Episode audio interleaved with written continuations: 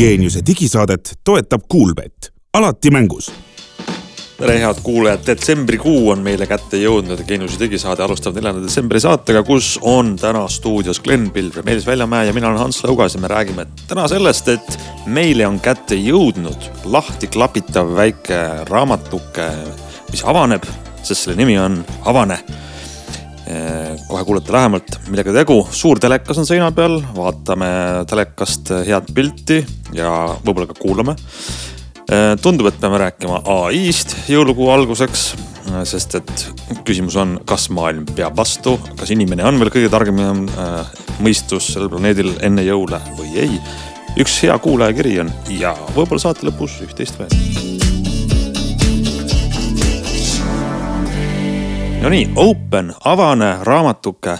Open on OnePlusi mm, telefoni nimi. ma hakkasin praegu peas mõtlema korraks, kas ikka on mõistlik veel telefonideks kutsuda neid asju, mis lahti eh, voltuvad ja on siis nagu väiksed tahvlikesed. paku ja, ja... välja parem nimetus ei taha, sest eelmine kord, kui oli väljapakkumine, siis öeldi sõnad nuhvel ja mingid jubedad sõnad, mis mulle üldse ei meeldi. aga samas, kui sa mõtled nagu ütleme keeleliselt siia, et, et kui sa teeks eesti keeleruumis telefoni, mis on lahti volditav ja paned sellele nimeks OnePlus lahti, see tundub tegelikult nagu natuke imelik, et miks ei võiks ju panna sama hästi OnePlus kinni hoopis.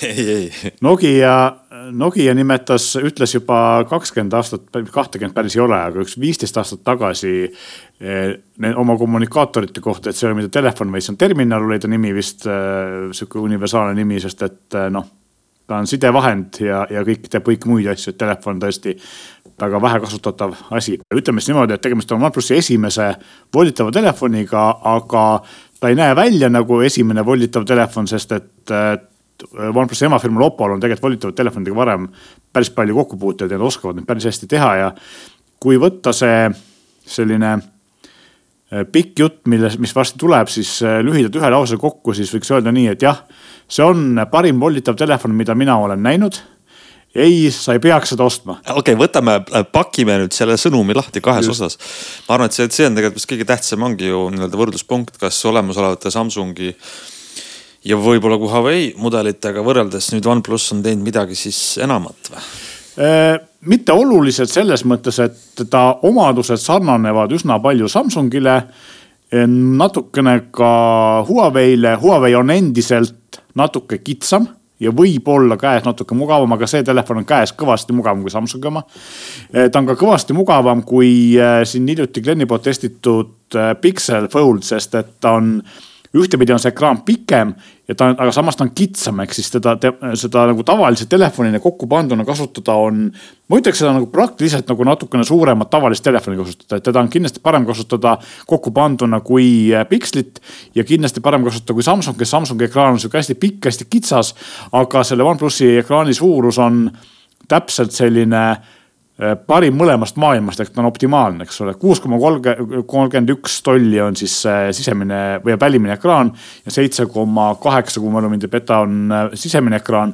mõlemad on saja kahekümne hertsised, mõlemad on väga head, kaks tuhat kaheksasada nitti eredus, mis on ilmselt kõige suurem eredusega paneel, mida ma kunagi näinud olen, aga noh, seda muidugi väga keeruline testida, sest meil on siuksed sommused talveilmad, eks ole, tereda päiksevalguse käes me ei saa olla. ehk siis tavakasutuses siin toas mul praegu pole vahet, milline ekraan on, kõik näitavad head pilti, eks ole. ja, ja muidugi kaamerad on väga head, kolm kaamerat. Eh, kõik on suurte anduritega, siis äh, tavaline kaamera, põhikaamera on neljakümne kaheksa megapiksli, loomulikult optilise stabilisaatoriga. kolmekordne optiline suum on eh, see on kuuekümne nelja megapiksline, ma kontrollin selle üle, kas ikka on kuuekümne neljane, minu teada kui oli. sa vaatad üle, ma, ma lihtsalt ei saa kommenteerimata jätta, kohe kui ma näen seda telefoni, seal taga on see kaameramoodul on nagu nii välja toodud selline suur kera või latakas või plaat, et see on, ma ei tea, esteetiline küsimus loomulikult, aga. mulle meeldib ja üks asi on veel, et äh, seda on ka välismaistes videotes äh, toodud äh, välja, aga selle üks hea omadus on see, et kui ma hoian teda käes, siis mu sõrm on täpselt siin all selle vastas ja see hoiab, noh, ta tekitab nagu sellise lisatoe või ta, ta on mugav käes hoida, toetades nimeta sõrm vastu kaamera mooduli. ehk siis kaamera moodul ongi nii suur, et ta on Just. justkui nagu sangaks muutunud või mingisuguseks. põhimõtteliselt teate nagu, nagu mini-popsocket mõnes mõttes, eks ole.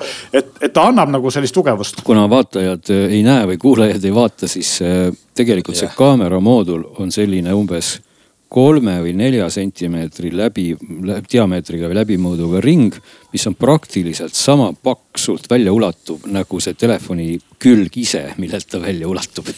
ehk et ta on nagu märkimisväärselt paks ja suur, aga tõepoolest käes on ta võib-olla tore. minul avanes ka võimalus teda korraks käes hoida, Meelis andis mulle umbes kolmeks sekundiks ja siis võttis ära, aga ma sain ka kohe aru, et käes on ta hea küll, aga tundus, et laua peal ta ilmselt väga hea ei ole, sest et kui sa paned nüüd selle kaamera mooduliga ta laua peale, no siis noh, paratamatult on niimoodi, et, et ta jääb kuidagi kipakalt sinna, eks ole. kusjuures eh, eksite eh, mitme asja puhul.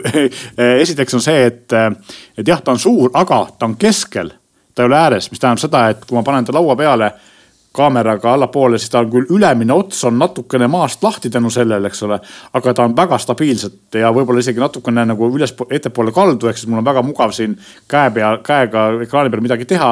ja ta on, ta ei kaldu külje peale, sest et ta on nii suur ja nii ühtlane, et, et ta hoiab nagu seda väga täpselt ilusti äh, korralikult vastu lauda, et selles mõttes äh, külje peal, külje peal olev moodul on, on palju, palju rohkem paneb telefoni kõikuma laua peal ja seda küll, aga no ma, ma täpsustaks üle, et see keskel tähendab ikkagi seda, et ta on nagu vertikaaltelgi pidi keskel, aga põhimõtteliselt on ta ikka kaamera või, või telefoni ülaosas täiesti, ta ei ole siis nagu, nagu telefoni vertikaaltsentris, nii et, et kui sa paned ikkagi laua peale, siis noh, üks külg on, on noh, tunduvalt rohkem kaldus kui teine ta ikkagi jääb sinna alla, eks ole.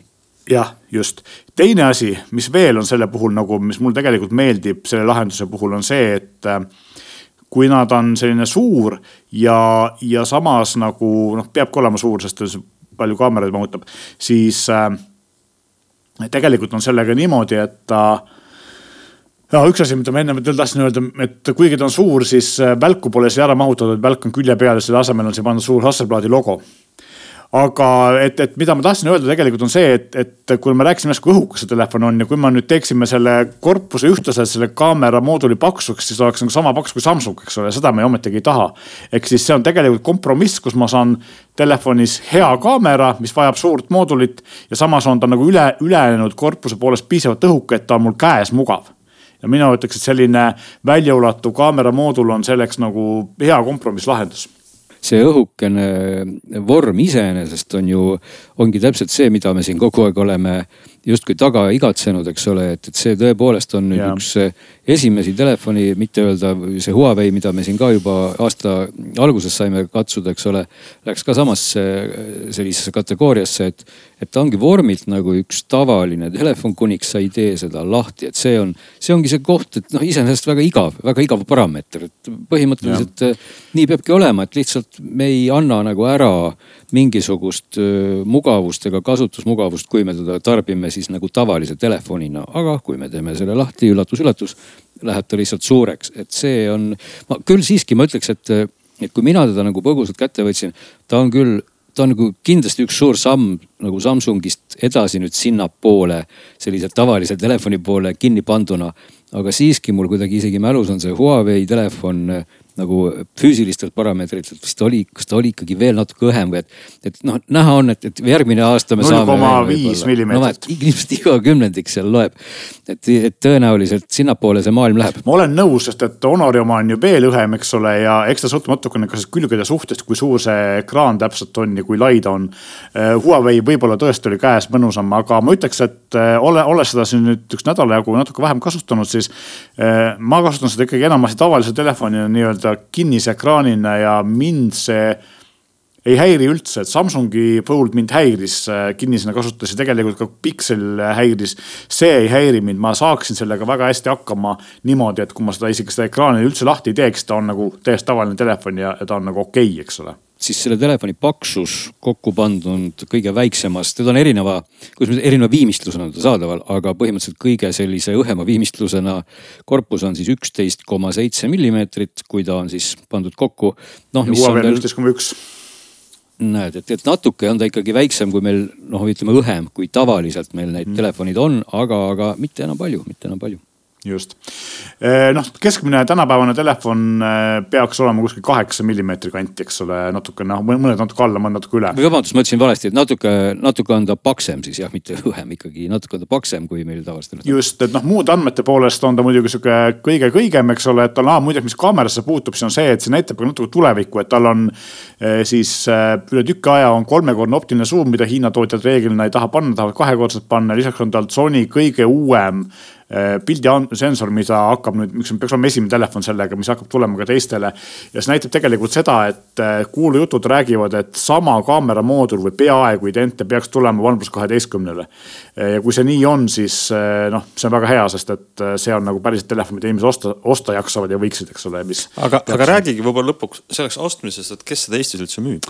vot praegu hetkel on niimoodi, et operaatorid veel ei müü aga samas kõik asjad, mis operaatoril toimuma peaksid, töötavad, voice over LTE, voice over äh, wifi ja nii edasi, 5G-d ma ei ole proovinud.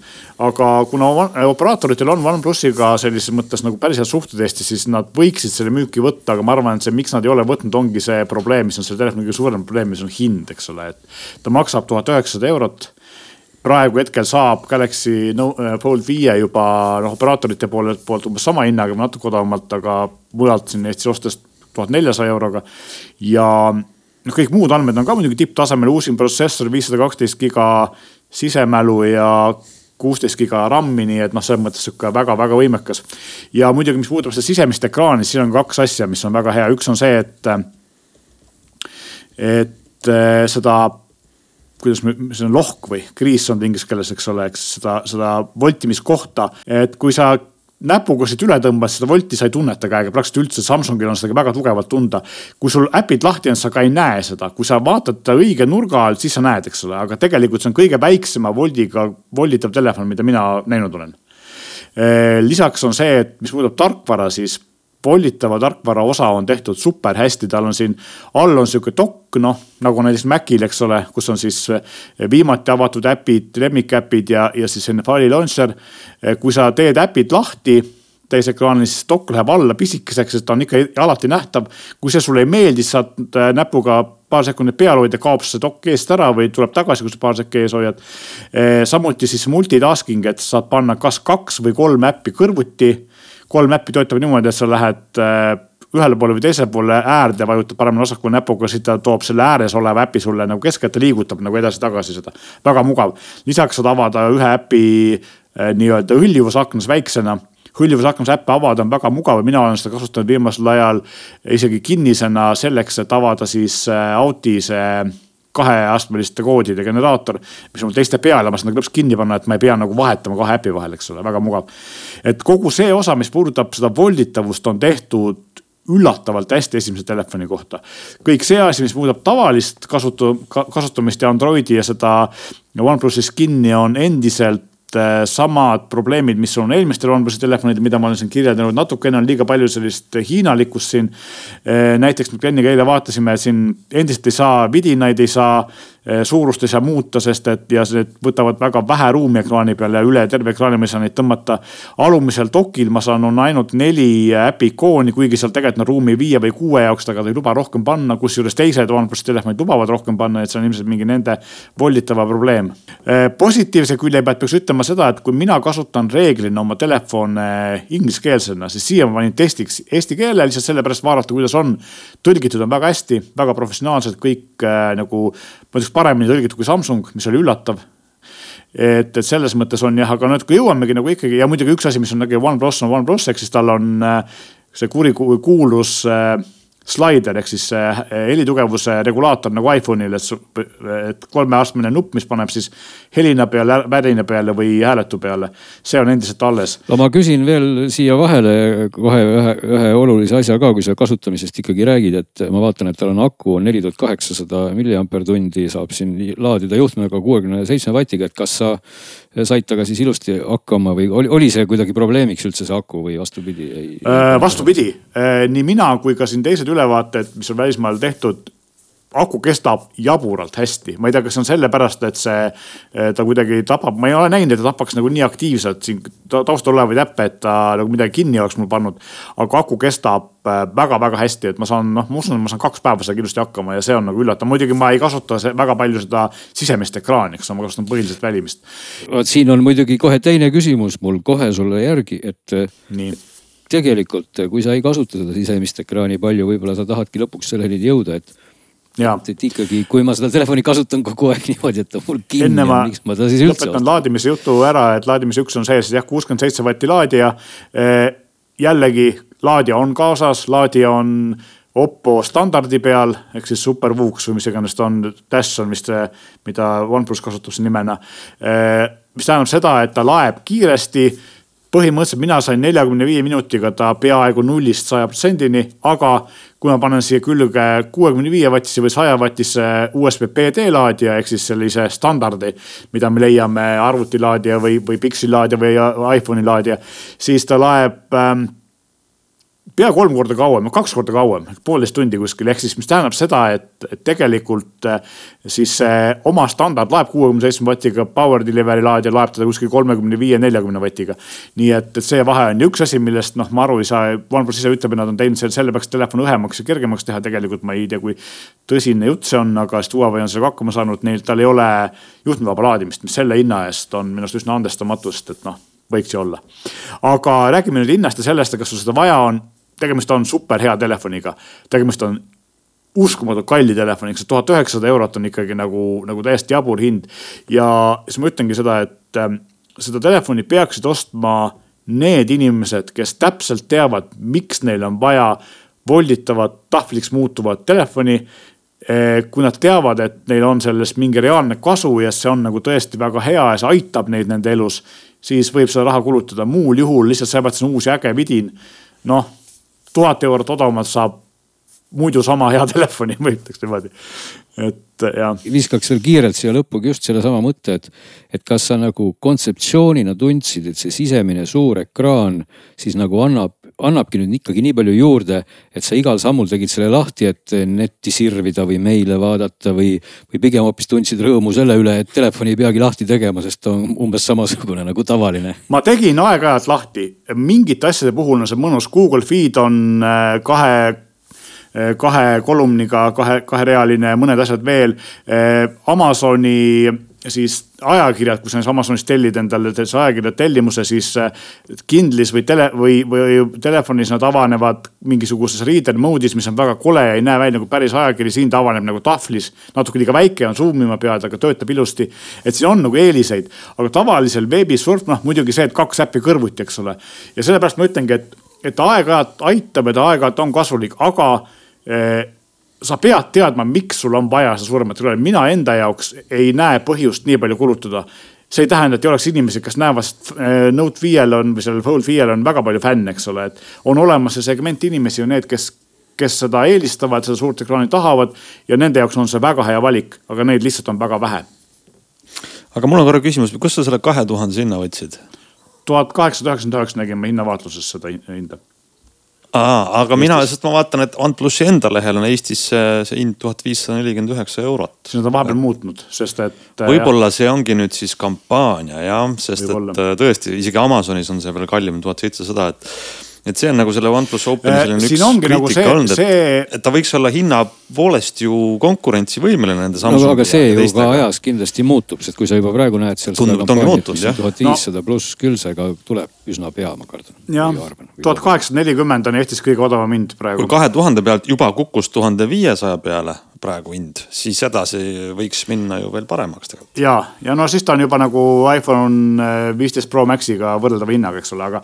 aga tegelikult on jah see, et kui me vaatame välismaiseid ülevaateid, kus seda hästi palju kiidetakse, nemad ütlevad, et see maksab, äh, soovituslik müügihind on sada, sada dollarit vähem, kui on äh, Fold viiel, eks. aga meil saad sa Fold viie osta ikkagi viissada eurot odavamalt nagu praeguste Eesti hindadega kui sa OnePlusi enda lehelt ostad selle tuhande viiesajaga, siis on võib-olla natukene teine mäng jah, aga see. no nad ilmselgelt on seda, seda kriitikat kuulda võtnud, mis on, on. no tõenäoliselt see võib-olla muutub jah ja. no aga siis tõmbakski selle nüüd kiirelt kokku niimoodi, et äh, kui see. väga hea telefon, aga väga kallis. siis võikski, nojah, aga siis, kui ta juba tuhat viissada on. juba läks paremaks. võiks minna veel. läks paremaks. jah, aga siin on ikkagi see küsimus, kas me peaksime, paljud meist peaksid ostma endale tuhande viiesaja eurose telefoni, et see on juba eraldi teema Ja. aga need, kes peaks, need ilmselt võiks, sest kui sa ütled, et see no, on ikkagi parim. tegelikult on ikkagi see, et kas see tuhat üheksasada eurot, kui see on nagu hind, siis on see, et kui sa tead, et sul seda telefoni on vaja. ja kui sa tead, et see teeb su elu lihtsamaks ja mugavamaks, siis on sinu jaoks seda väärt, siis jumala eest, eks ole. nii lihtne see ongi. jah, nii on. nii, aga vaatame, mis meil on täna veel menüüst võtta ja ma saan aru, et äh, Meelis, sina oled aga vaadanud äh, ühte telekat ja seekord on Sony jah? vaatasin telekat ka, vaatasin telekat põhjalikult ja minu esimene tegelikult selline põhjalik, ma olen küll koos Gleniga teinud mingisuguseid äh, väiksemaid teste ja mõnes mõttes põhjalikumaid teste, mille hulgas Glen ka suutis siis või mõõtis, eks ole, neid pilte, siis siin, see on minu esimene sihuke subjektiivne Sony teleri test, kus ma lihtsalt istusin ja vaatasin seda nagu tavaline inimene kodus telekat vaatab. ja tegemist on siis äh, kuuskümmend viie tollise X90 L-iga, mis on Sony valikus äh, keskmise hinnaklassi tele, telekas, et seal on üks mudeliseeria, mis on veel odavam ja siis on hulk mudele, mis on kallimad, üks nagu siis LCD, mis on kallim ja paar Oledi. ja noh, see ongi imelik, et, et siin ma ülevaates ütlen ka seda, et tegelikult on siis äh, kahvel või käärid on selles, et äh, see peaks olema keskmise hinnaklassi telekas kui me vaatame selle andmeid paberil, siis tundub, et see on odav hinnaklassi telekas, sest et äh, teised sama raha eest pakuvad nagu numbrite poolest rohkem. kui me vaatame hinda, siis see võiks nagu olla premium klassi telekas, see maksab Eestis alates tuhande neljasajast eurost, mõni koht, mitu kohta müüvad seda tuhande kuuesajaga ja siis ongi nagu see, et no, küsimus. see on ikka miks... kallis juba. no ja on ikka kallis juba jah, aga et põhiline asi on see, et noh, kui me oleme siin varem ka ise rääkinud, et, et äh, mini-LED on populaarne, eks ole, ja, ja Q-LED on populaarne ja, ja Q-LED pluss mini-LED on eriti populaarne ja selle hinna eest nagu võiks olla siis Q-LED pluss mini-LED. mini-LED tähendab seda, et seal neid äh, valgust äh, pikk pikslit valgustavaid lampikesi on sadu, kui mitte tuhandeid taga, mis annavad rohkem kontrasti, paremad värvid. ja eelmise aasta Sony mudel, mis oli siis ka lõpus, oligi nagu enamasti selgelt kehvem kui minileediga telerid. mis Q-leedi puudutab, siis tegelikult Sonyl on Triluminos äh, paneel, mis on tegelikult praktiliselt sama asi, mis Q-led, lihtsalt nimetavad teise nimega, et need nanoosakesed on seal samamoodi olemas. ja, ja tegelikult on see, et kui me vaatame värvi, vaatame kontrasti, vaatame seda, kui must on must, siis tegelikult see mitte Q-led Sony on praktiliselt sama hea kui enamus Q-ledi või minileediga äh, mitte minilehed Sony, siis on praktiliselt sama hea kui teisttootjate minileediga mudelid ja paremad kui Hiina mudelid. maksimaalne eredus jääb võib-olla natuke alla, aga mitte palju, pilt on üllatavalt hea. kui me vaatame nüüd teisi nagu sarnase hinnaklassi või isegi odavamaid, ma siin suvel rääkisin QLED-iga eh, Xiaomi telerist, eks, mis maksab muidugi kolm korda vähem, siis noh, seal ei ole midagi rääkida, pildi vahe on nagu nii meeletu, et noh, peabki olema kolm korda suurem hinnaga pildi vahe meeletu. aga kus on Sony eelised, neil on kaks eelist, üks on sihuke võib-olla eelis, teine on päris eelis ja mis minu jaoks oli üllatav, on see, et äh, pilditöötlus, teatavasti pilditöötluse üks mõte on see, et äh, kui on kehv pilt, siis ta teeb selle paremaks ja paremini söödavaks meie jaoks, eks ole, ja kui tegemist on suure ekraaniga, siis võib-olla veel eriti. ja meil siin, kui ma vaatan nagu siin ka inimesi ümberringi ja erinevaid Eesti ma ei tea, foorumeid ja artikleid, siis kurdetakse palju selle üle, et ka Eestisse on jõudnud nüüd see olukord, kus tegelikult nii eetrikanalid kui eriti üle interneti siis Telia, Elisa ja muudest äppidest tulevad kanalid pakitakse väga kõvasti kokku, sest et lihtsalt nad üritavad seda ribalaiust kokku hoida, ehk siis mitte, mitte nagu palju bandwidth'i või ribalaiust kulutada selle kanalite edastamise peale. ja sellepärast eh, kannatab päris kõvasti pildi kvaliteet ja selle pildi kvaliteedi nagu normaalseks tagasi tegemine on keeruline protsess ja sellega saab Sony ülihästi hakkama. eriti kui on nagu selline plokiline pilt, eh, noh muidugi ta ei tee nagu nii-öelda Eestis saia, eks ole, aga, aga võrreldes siin tuhande euro Samsungiga teeb paremini on väga huvitav, mis sa räägid, sa räägid, täiesti üllatad mind, sest ma mõtlesin, et äh, noh, et. see üllatas mind ka mind üllatab see, ütleme, kasutusviis, ma, ma võib-olla, ma nüüd olen elust kaugenenud, aga jah, et tegelikult tõesti, sul on ju õigus, inimesed ju vaatavad telekat ja meil Eestis teleka, telesisu ei näe 4K-s, kui sa ei vaata striimingu teenust, et et see on tõesti olukord, sest muidu nagu see eelis ei ole nii tugev. kui sa tahad mängida äh, Oled kindlasti parem telekas mängimiseks. kui sa tahad vaadata Blu-ray'd või muidu kuskilt väga head signaali Olediga saad sa parema musta, paremad värvid absoluutselt. kui sa tahad vaadata kehva signaali, sporti, kus pall lendab äh, kuskil plokirea sees, eks ole. Oled ei andesta seda, et ta teeb, ta mängib väga head pilti, aga toob ka need pead väga hästi esile. kuigi Sony Oledid jällegi sama töötus, eks ole, teevad seda paremini, aga maksavad väga palju rohkem. aga just selle jaoks, et kui sa oled keskmine Eesti inimene, sul on suurem kodu või noh, selles mõttes sa vaatad telekat, ma ei tea, mõni vaatab meil viie-kuue meetri kauguselt absurd telekat, eks ole. super lahendus, kehva signaali jaoks, mida Eesti inimene tegelikult vaatab, eks ole. väga hea lahendus ja noh, loomulikult siin on paar häda, eks ole, et vaatenurk on üsna kehv, aga kui sa vaatad suures kodus otse diivanilt, siis sul ei ole vaatenurgaga probleemi heli on tagasihoidlik, aga noh, heli on paljudel teleris tagasihoidlik, et selles mõttes mhm. kolmetuhandesel mm -hmm. LG Oledil oli parem heli. tuhande eurosel Samsungil on umbes sarnane heli. Eh, mis on hea, on see, et Sonyl on neli kõlarit, kaks eraldi kõrgsageduskõlarit üleval läärtes ja ta suudab seda väga hästi siis nagu laiendada või nii-öelda sellist detailsust pakkuda. bassi on vähe, aga, aga muidu on nagu päris hea. Eh, pult on üsna kehv puldil on väiksed nupud ja samas liiga palju vaba ruumi, et need nupud võiksid suuremad olla ehm,. mis veel, eh, taga nendele. ja ta töötab ikkagi selle Androidi ja. pealt või? Eh, Google TV jah. küsin veel sellega üle, võib-olla ma ei ole meie saadet seni väga tähelepanelikult kuulanud, et et see on nüüd ekraanitehnoloogialt, siis on ta minileed või oli ta selle QLED baasil või mis, mis teler ta konkreetselt on? põhimõtteliselt QLED, mida Sony QLED-iks ei nimeta, ta ei ole minileed. tahtsin seda ära kindlasti mainida, et kuna neid just LED-i tehnoloogiaid on mm. mustmiljon, et et tegelikult minileed oma olemuselt on selline tehnoloogia, kus, kus need pikslid, mis seal taga valgustavad siis meie LCD paneeli, eks ole, nagu LCD-del on. Neid on ülitihedalt, et siis nad juba praktiliselt konkureerivad nagu mustadelt sellise, sellise Olediga, aga nüüd, kui me räägime seda, sellest QLED tehnoloogiast, siis seal tegelikult me ei taustavalguse kohta justkui ei tea suurt midagi, et taustavalgus on siis ikkagi jagatud seal taga segmentideks või võib ka lausa külje pealt olla. ja need on erinevad asjad, et mina ei ole näinud QLED telekat, millel oleks külje pealt see on nagu veits möödunud ja see on ka see, et see telekas suhteliselt paks, ta on viis koma kuus sentimeetrit paks. ehk siis ta on paksem kui need kümme, viisteist aastat tagasi levinud külgvalgustusega telerid olid, eks ole. tänapäeval kõik telekad paksemad, kui nad olid vanasti.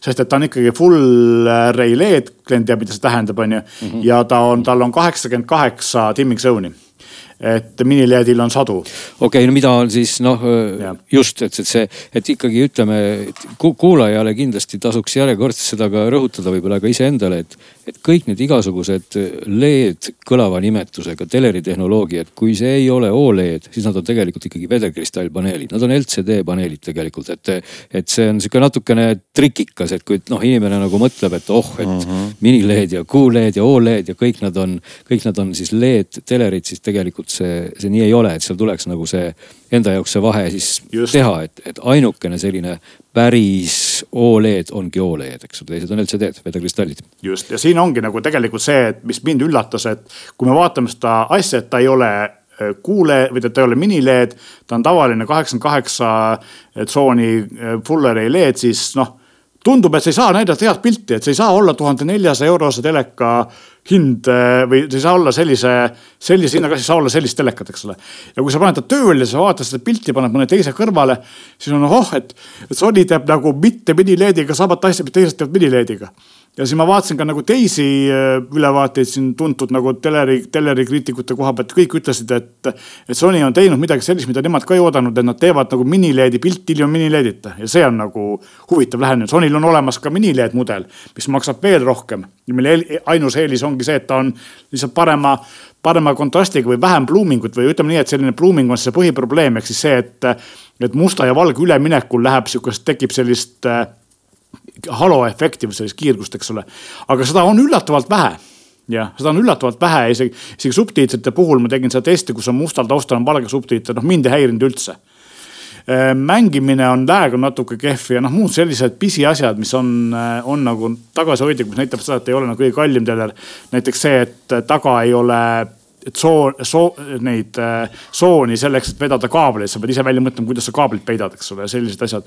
aga üks asi, mida teistel ei ole, kaks asja, üks on see, et tal on jalad saab panna nurkadesse, jalad saab panna kahele kõrgusele ehk siis madalamale, kui sa tahad nagu ilusat stiilset disaini kõrgemale, kui sa tahad sinna alla panna soundbar'i. ja kui sul on väga kitsas telekalaud, saad tegelikult panna nad ka suhteliselt keskele kokku, nii et sa paned jalad nii äärtesse või keskele. ehk siis jalgade lahendus on nagu ka täiesti omapärane väga hea see on tõesti lahe, et sa saad liigutada ja panna soundbar'i siis teleka alla, kui vaja, et. ehk siis noh, ütleme nii, et, et ma tahaks, et telekas võiks maksta veel natuke vähem, sest ta on ikkagi oma omaduste poolest nagu üsna kallis. aga samas, kui sa tahad nagu sellist head Eesti pilti näitavat suurt telerit, siis tegelikult äh, võib soovitada küll. no siinkohal võib öelda nüüd, et, äh, et võib öelda ka niimoodi, et et nüüd on kuulajal võimalus valida, kas ta ostab selle OnePlusi telefoni või selle teleka, et see on, ei ole kerge küsimus. põhimõtteliselt küll jah. jah, sa saad palju suurema ekraani sealt sama raha eest.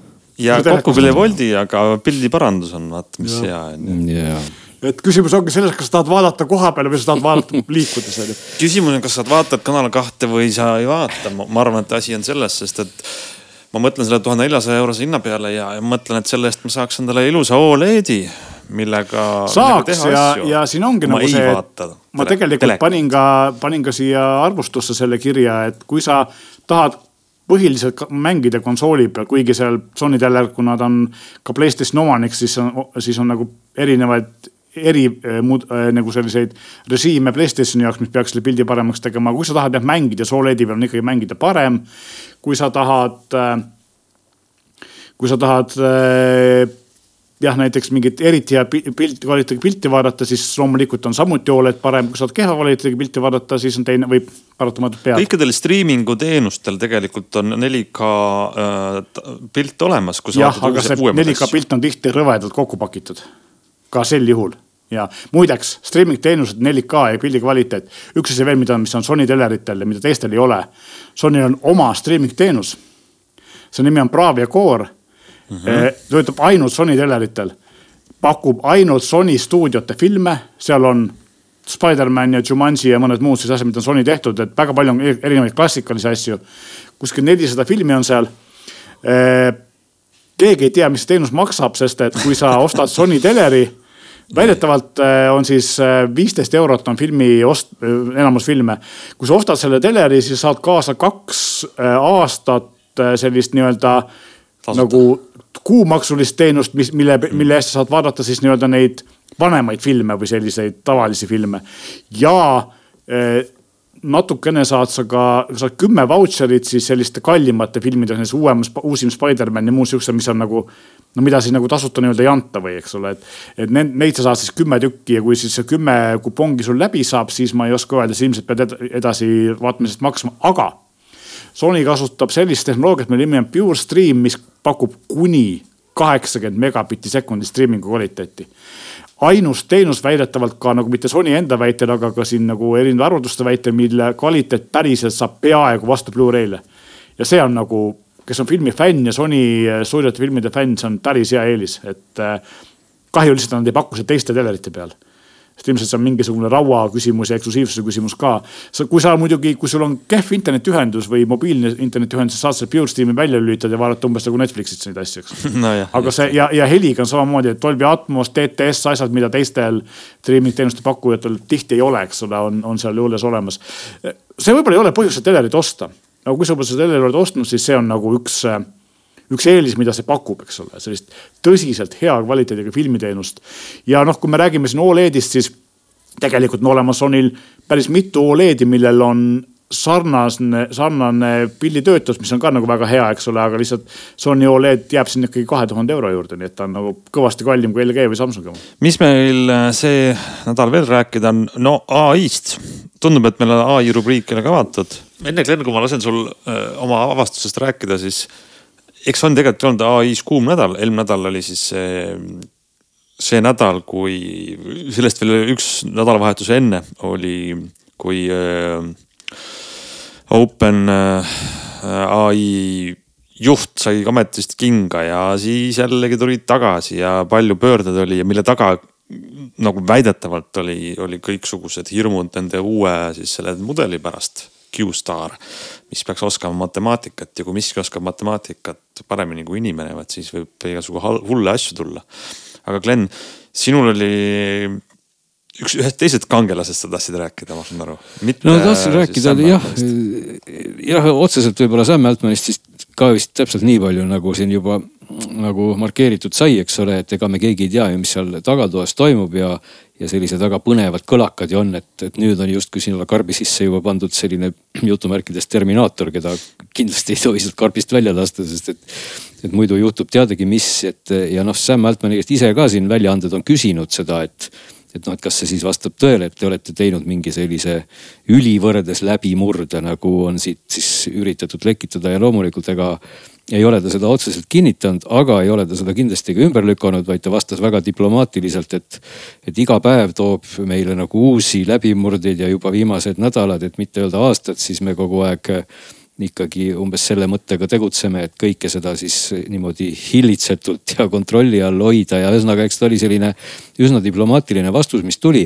aga kindlasti noh, ei hakanud ta seda ka eitama ja meil oleks ilmselt nagu nagu naiivne mõelda, et, et see asi ei arene metsiku kiirusega, et seda ta ka rõhutas oma sõnavõttudes tegelikult, et see areng on kiire ja tõepoolest see matemaatilise mudeli nagu sissetoomine on küll väga märgiline, sest et noh, et kui seni see keele, keelemudelid ikkagi noh, baseeruvad sellisel natuke sellisel, kuidas ma ütlen laisal tulemusel, eks ole, et noh, enam-vähem läheb see kirjanduslik metafoor täppi.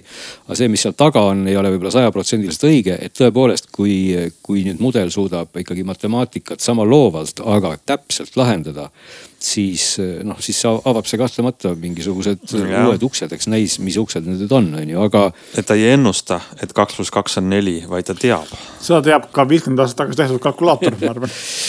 no just, aga kalkulaator ilmselt ei suuda seda.... ei suuda probleemile leida uut ja paremat lahendust, vaid ainult seda, mida inimene sisestab. just, kogu selle asja valguses siis äh, natukene ringi vaadates jäi mulle silma hoopis üks teine ettevõtmine ja selle ettevõtmise nimi on Hyperwrite või siis Hyperwrite Y-ga kirjutatakse. kes tahab, võib seda kohe minna nüüd äh, ruttu ise ka uurima ja siis selle ettevõtte pealik, juht, tema nimi Matt Schumer avaldas siis alles äh, väga hiljuti GitHubis sellise toreda lähtekoodi, mis on avatud.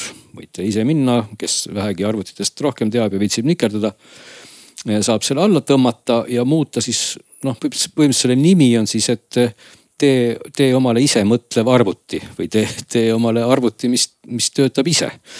ja mida see kood siis teeb, ongi siis põhimõtteliselt see, et ta siis GPT-4-ga, OpenAI GPT-4, sellega siis teeb aktiivset koostööd ehk et sisuliselt võtab ta sinu arvuti ekraani pildid ja saadab need siis GPT-4 pildianalüüsi. saab sealt kogu aeg mhm. vastuseid pildianalüüsi tõttu või kohta ja sellele vastavalt siis tegutseb, ehk et kokkuvõttes see tähendab seda, et sa ütled arvutile, et, et vaata korra ringi, et otsi mulle sellised kohad, kus ma saaks noh, ütleme viis sellist ilusamat roosi, et noh, võiks nagu väheke vähem ka maksta ja. ja noh, asuks mulle need poed natuke lähemal ka ja, ja no, annad talle mingi täiesti sellise loomingulise ülesande ja siis ta hakkab seda tegema, noh siis ta avab seal Google'i, kirjutab sinna mida iganes, ta ise mõtleb, mis päringu ta teeb, sest et seal taga istub tegelikult GPT häälemudel või see keelemudel. aga ta saab sisendit sinu arvutiekraanist, eks ole, ja siis ta annab nii-öelda selle juhtimise jälle tagasi siis sellele tarkvarale, mis liigutab hiirekursorit ja klõpsab sinna, kuhu see pildianalüsaator käskis tal klõpsata ja siis ta toob sulle selle tulemuse ja põhimõtteliselt sa võid temaga suhelda siis täpselt nii nagu sa ütleks mingisugusele inimesele, kes istub sul arvutiga nurgas, et ole hea mees või naine, et palun tee see mulle ära. ja, ja nii see juhtubki. see, see tulemus täna ei ole veel loomulikult sada protsenti perfektne, see on avatud lähtekood, igaüks võib seda proovida seal on takerda, takerdumisi küll ja veel, eks ole, et aga see takerdumine tundub täna jäävadki suures osas just võib-olla selle pildilise analüüsi ja selle täpsuse taha, et noh, ta klikib näiteks hiirega valesse kohta. ja siis avaneb nagu vale asi mm -hmm. ja et nagu selliseid loogikavigu seal juhtub. kes ei taha nüüd selle avatud lähtekoodiga möllata, siis seesama firma, mille nime ma mainisin.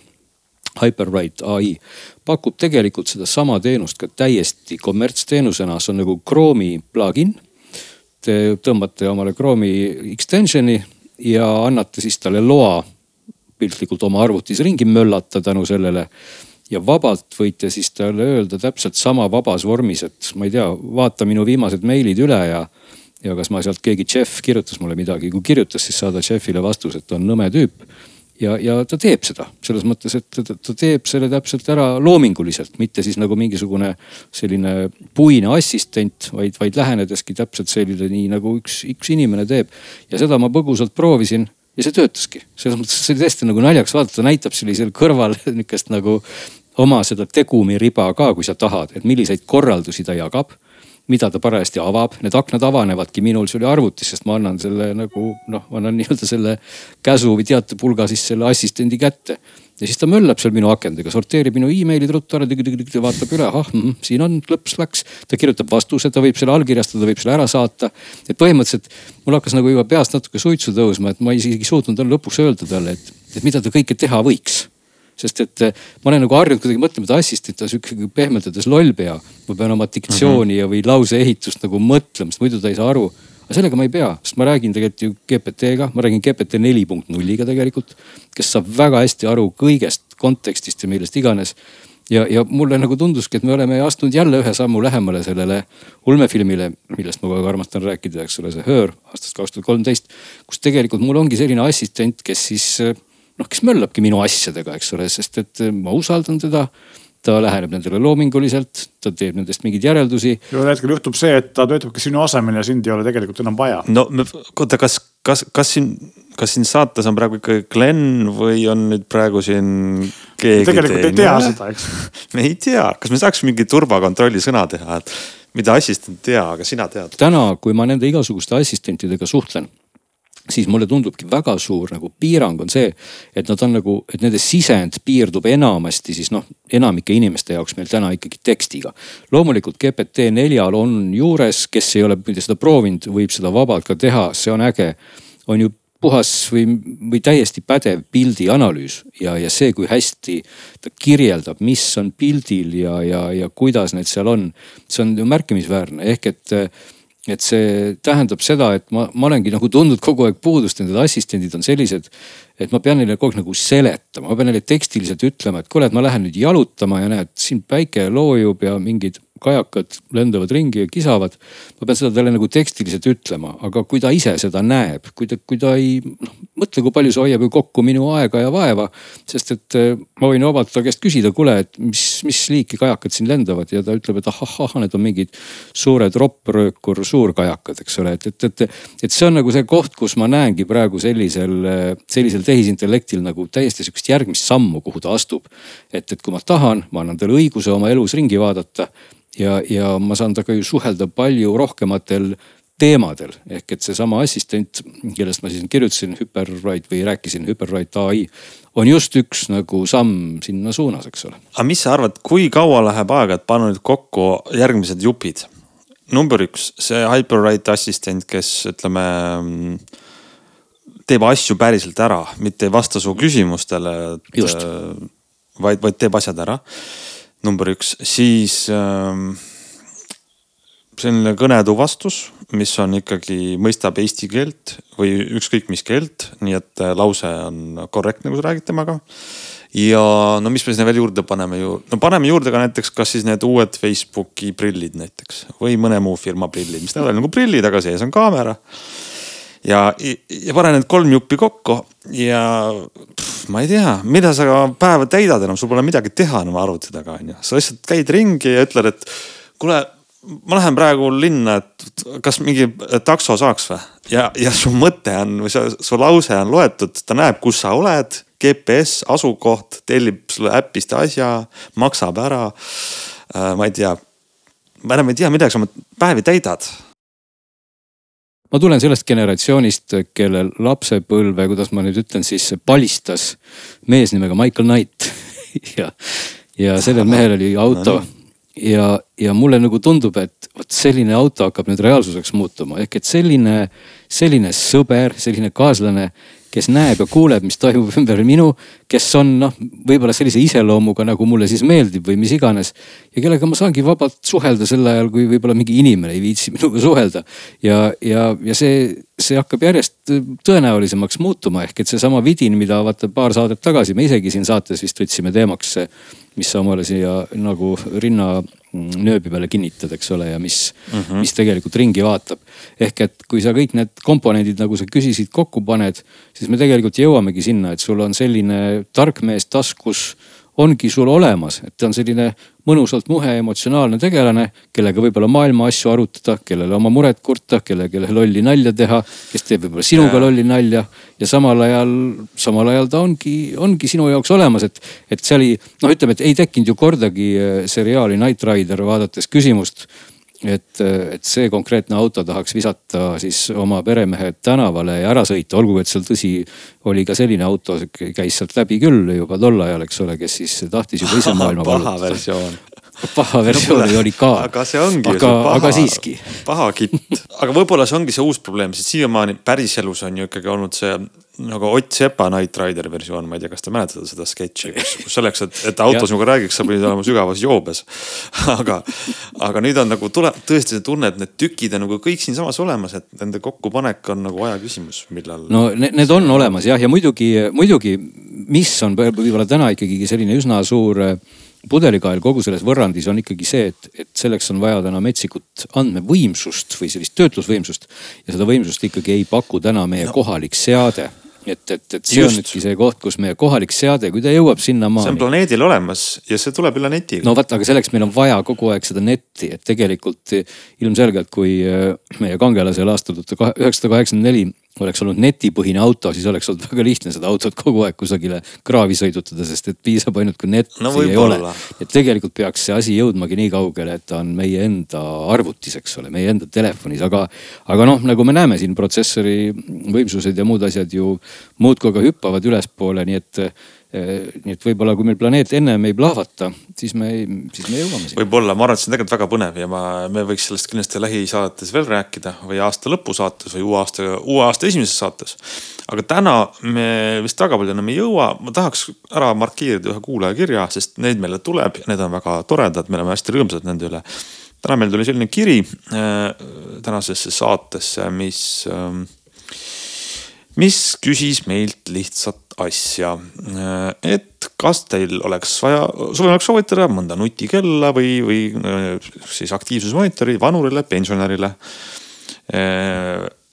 kellel pole nutitelefoni ja meil tekkis kiire arutelu omavahel ilma põhjalikku mm, tooteuuringut tegemata, siis kohe mul esimene reaktsioon oli see, et tegelikult see sihtgrupp jaguneb väga kaheks väga erinevaks eagrupiks.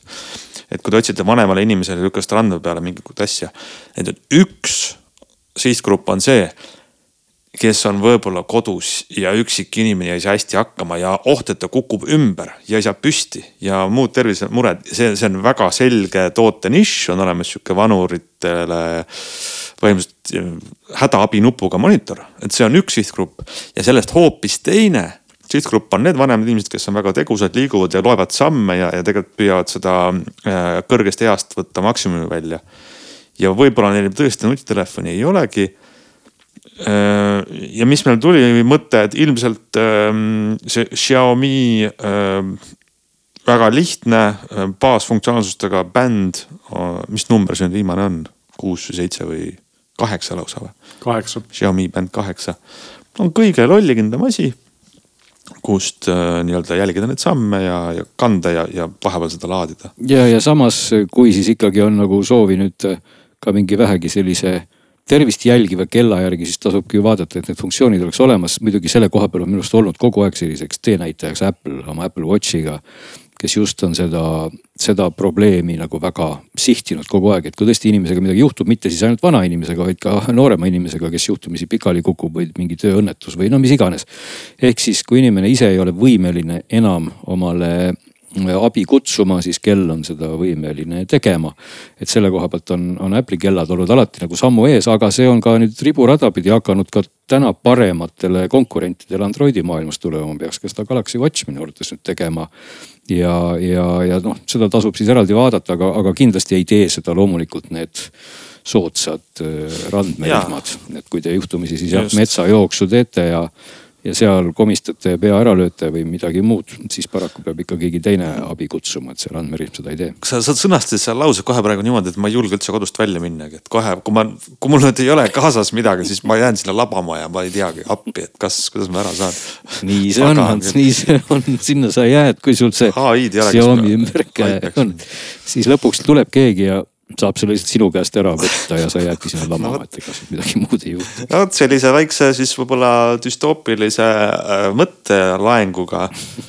ma arvan, võiks täna joone, joone alla tõmmata saatele, sest et järgmine nädal pole üldse kaugel. meil on siis juba palju uut teile rääkida. kirjutage meile äh, digisaadet geenius.ee ja tulge tagasi nädala aja pärast